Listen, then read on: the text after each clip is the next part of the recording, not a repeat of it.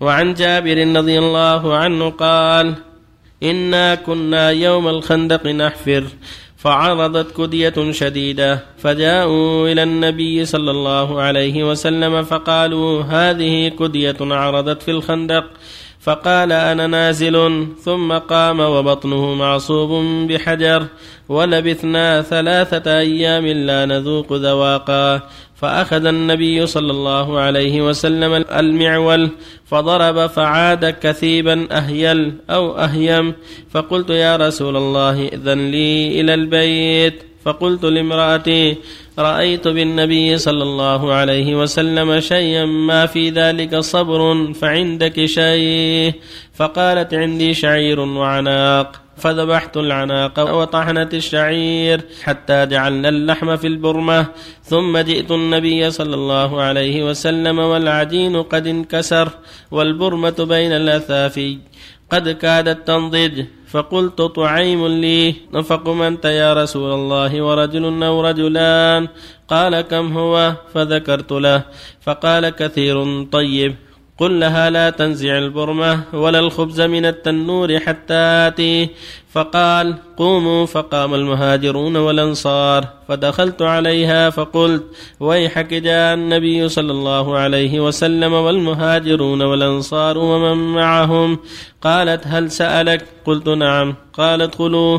ولا تضاغطوا. فجعل يكسر الخبز ويجعل عليه اللحم ويخمر البرمة والتنور إذا أخذ منه ويقرب إلى أصحابه ثم ينزعه فلم يزل يكسر ويغرف حتى شبعوا. وبقي منه فقال كلي هذا وأهديه فإن الناس أصابتهم مجاعة. متفق عليه. وفي رواية قال جابر لما حفر الخندق رأيت بالنبي صلى الله عليه وسلم خمصا فانكفأت إلى امرأتي فقلت هل عندك شيء؟ فإني رأيت برسول الله صلى الله عليه وسلم خمصا شديدا فأخرجت إلي جرابا فيه صاع من شعير ولنا بهيمة داجن فذبحتها وطحنت الشعير ففرغت إلى فراغي وقطعتها في برمتها ثم وليت إلى رسول الله صلى الله عليه وسلم فقالت لا تفضحني برسول الله صلى الله عليه وسلم ومن معه. فجئته فساررته فقلت يا رسول الله ذبحنا بهيمة لنا وطحنت صاعا من شعير فتعال أنت ونفر معك. فصاح رسول الله صلى الله عليه وسلم فقال يا أهل الخندق إن جابرا قد صنع سؤرا فحي هلا بكم. فقال النبي صلى الله عليه وسلم لا تنزلن برمتكم ولا تخبزن عجينكم حتى أجيه. فجئت وجاء النبي صلى الله عليه وسلم يقدم الناس حتى جئت امرأتي فقالت بك وبك. فقلت قد فعلت الذي قلت. فأخرجت عجينا فبسق فيه وبارك. ثم عمد إلى برمتنا فبصق وبارك. ثم قال ادعوا خابزة فلتخبز معك. واقدحي من برمتكم ولا تنزلوها. وهم ألف فأقسم بالله لا كلوا حتى تركوا.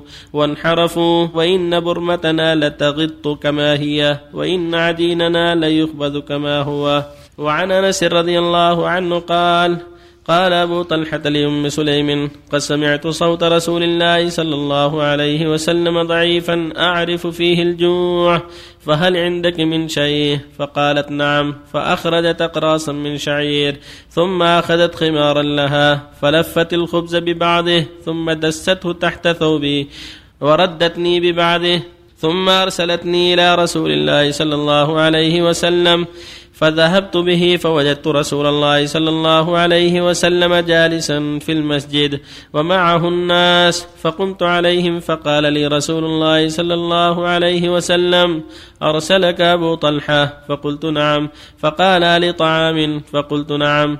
فقال رسول الله صلى الله عليه وسلم قوموا. فانطلقوا وانطلقت بين أيديهم حتى جئت أبا طلحة فأخبرته.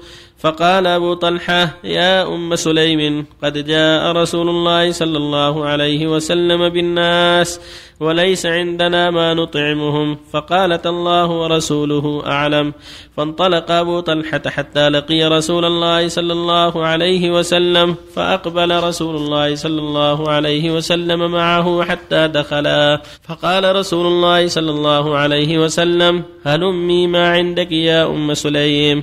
فأتت بذلك الخبز فأمر به رسول الله صلى الله عليه وسلم ففت وعصرت عليه أم سليم عكة فآدمت.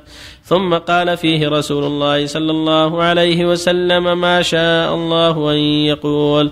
ثم قال إذن لعشرة فأذن لهم فأكلوا حتى شبعوا ثم خرجوا. ثم قال إذن لعشرة فأذن لهم فأكلوا حتى شبعوا ثم خرجوا ثم قال إذن لعشرة فأذن لهم حتى أكل القوم كلهم وشبعوا والقوم سبعون رجلا أو ثمانون. متفق عليه.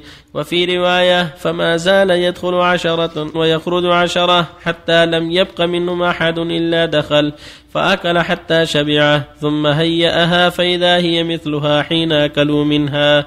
وفي رواية فأكلوا عشرة عشرة حتى فعل ذلك بثمانين رجلا. ثم أكل النبي صلى الله عليه وسلم بعد ذلك وأهل البيت وتركوا سؤرا. وفي رواية ثم أفضل ما بلغوا جيرانهم. وفي رواية عن أنس رضي الله عنه قال جئت رسول الله صلى الله عليه وسلم يوما فوجدته جالسا مع أصحابه وقد عصب بطنه بعصابة فقلت لبعض أصحابه لما عصب رسول الله صلى الله عليه وسلم بطنه؟ فقالوا من الجوع. فذهبت إلى أبي طلحة وهو زوج أم سليم بنت أم سليم بنت ملحان فقلت يا أبتاه. قد رأيت رسول الله صلى الله عليه وسلم عصب بطنه بعصابة فسألت بعض أصحابه فقالوا من الجوع فدخل أبو طلحة على أمي فقال هل من شيء؟ قالت نعم عندي كسر من خبز وتمرات فإن جاءنا رسول الله صلى الله عليه وسلم وحده واشبعناه وإن جاء آخر معه قل عنهم وذكر تمام الحديث. بسم الله الرحمن الرحيم. الحمد لله وصلى الله وسلم على رسول الله وعلى آله وأصحابه ومن اهتدى به أما بعد هذان الحديثان حديث جابر وأنس كلاهما يدل على ما أصاب المسلمين من الشدة والحاجة في المدينة. كما تقدم في الأحاديث أصابهم حاجة وجوع فصبروا حتى فرج الله الأمور. وكان أيام الأحزاب أيام شدة. السنة الخامسة من الهجرة لما أجمع المشركون على غزو النبي صلى الله عليه وسلم في المدينة فأمر بأن يحفر في أطراف المدينة خندق ليمنع كفار قريش من تجاوزه بخيلهم وإبلهم. فصاروا يحفرون الخندق حول المدينة ليحموها من المشركين. وكان النبي صلى الله عليه وسلم يحفر معهم. فعرضت كدية يعني صخرة شديدة عجزوا عنها.